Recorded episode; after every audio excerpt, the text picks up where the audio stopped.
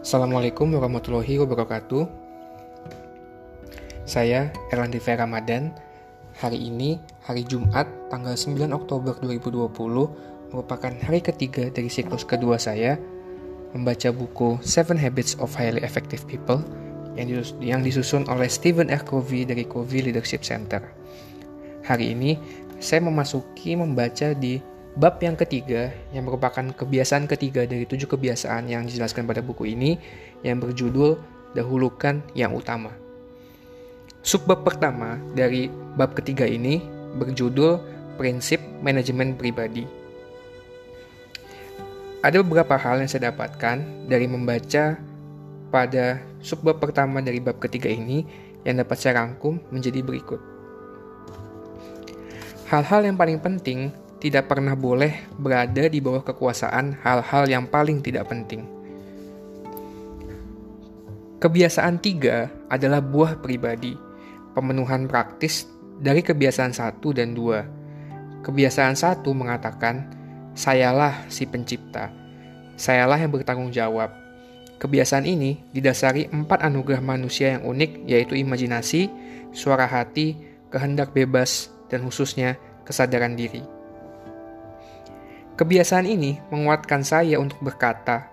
Hal itu adalah program yang tidak sehat yang diberikan kepada saya sewaktu kanak-kanak dari cermin sosial saya. Kebiasaan dua adalah ciptaan pertama atau mental. Kebiasaan ini didasarkan pada imajinasi, yaitu kemampuan untuk membayangkan, untuk melihat potensi, untuk menciptakan dengan pikiran saya apa yang tidak dapat saya lihat sekarang ini dengan mata saya, dan suara hati, yaitu kemampuan untuk mendeteksi keunikan diri saya sendiri dan pedoman, moral, dan etis pribadi yang saya ingin memenuhinya dengan gembira. Kebiasaan tiga adalah ciptaan kedua, yaitu ciptaan fisik. Kebiasaan ini adalah pemenuhan, aktualisasi, kemunculan wajar dari kebiasaan satu dan dua. Saya merupakan latihan kehendak bebas yang berpusat pada prinsip. Kebiasaan satu dan dua mutlak penting dan merupakan prasyarat untuk kebiasaan tiga. Saya tidak dapat berpusat pada prinsip tanpa lebih dulu sadar dan mengembangkan sifat proaktif saya. Saya tidak dapat, tidak dapat berpusat pada prinsip tanpa lebih dahulu sadar tentang paradigma saya dan mengerti bagaimana mengubah paradigma tersebut dan menyelaraskannya dengan prinsip.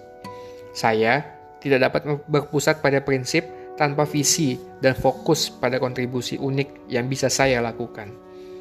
Namun, dengan fondasi yang sudah saya jelaskan sebelumnya, saya dapat berpusat pada prinsip hari demi hari, saat demi saat, dengan menjalani kebiasaan tiga, yaitu dengan mempraktikkan manajemen diri yang efektif.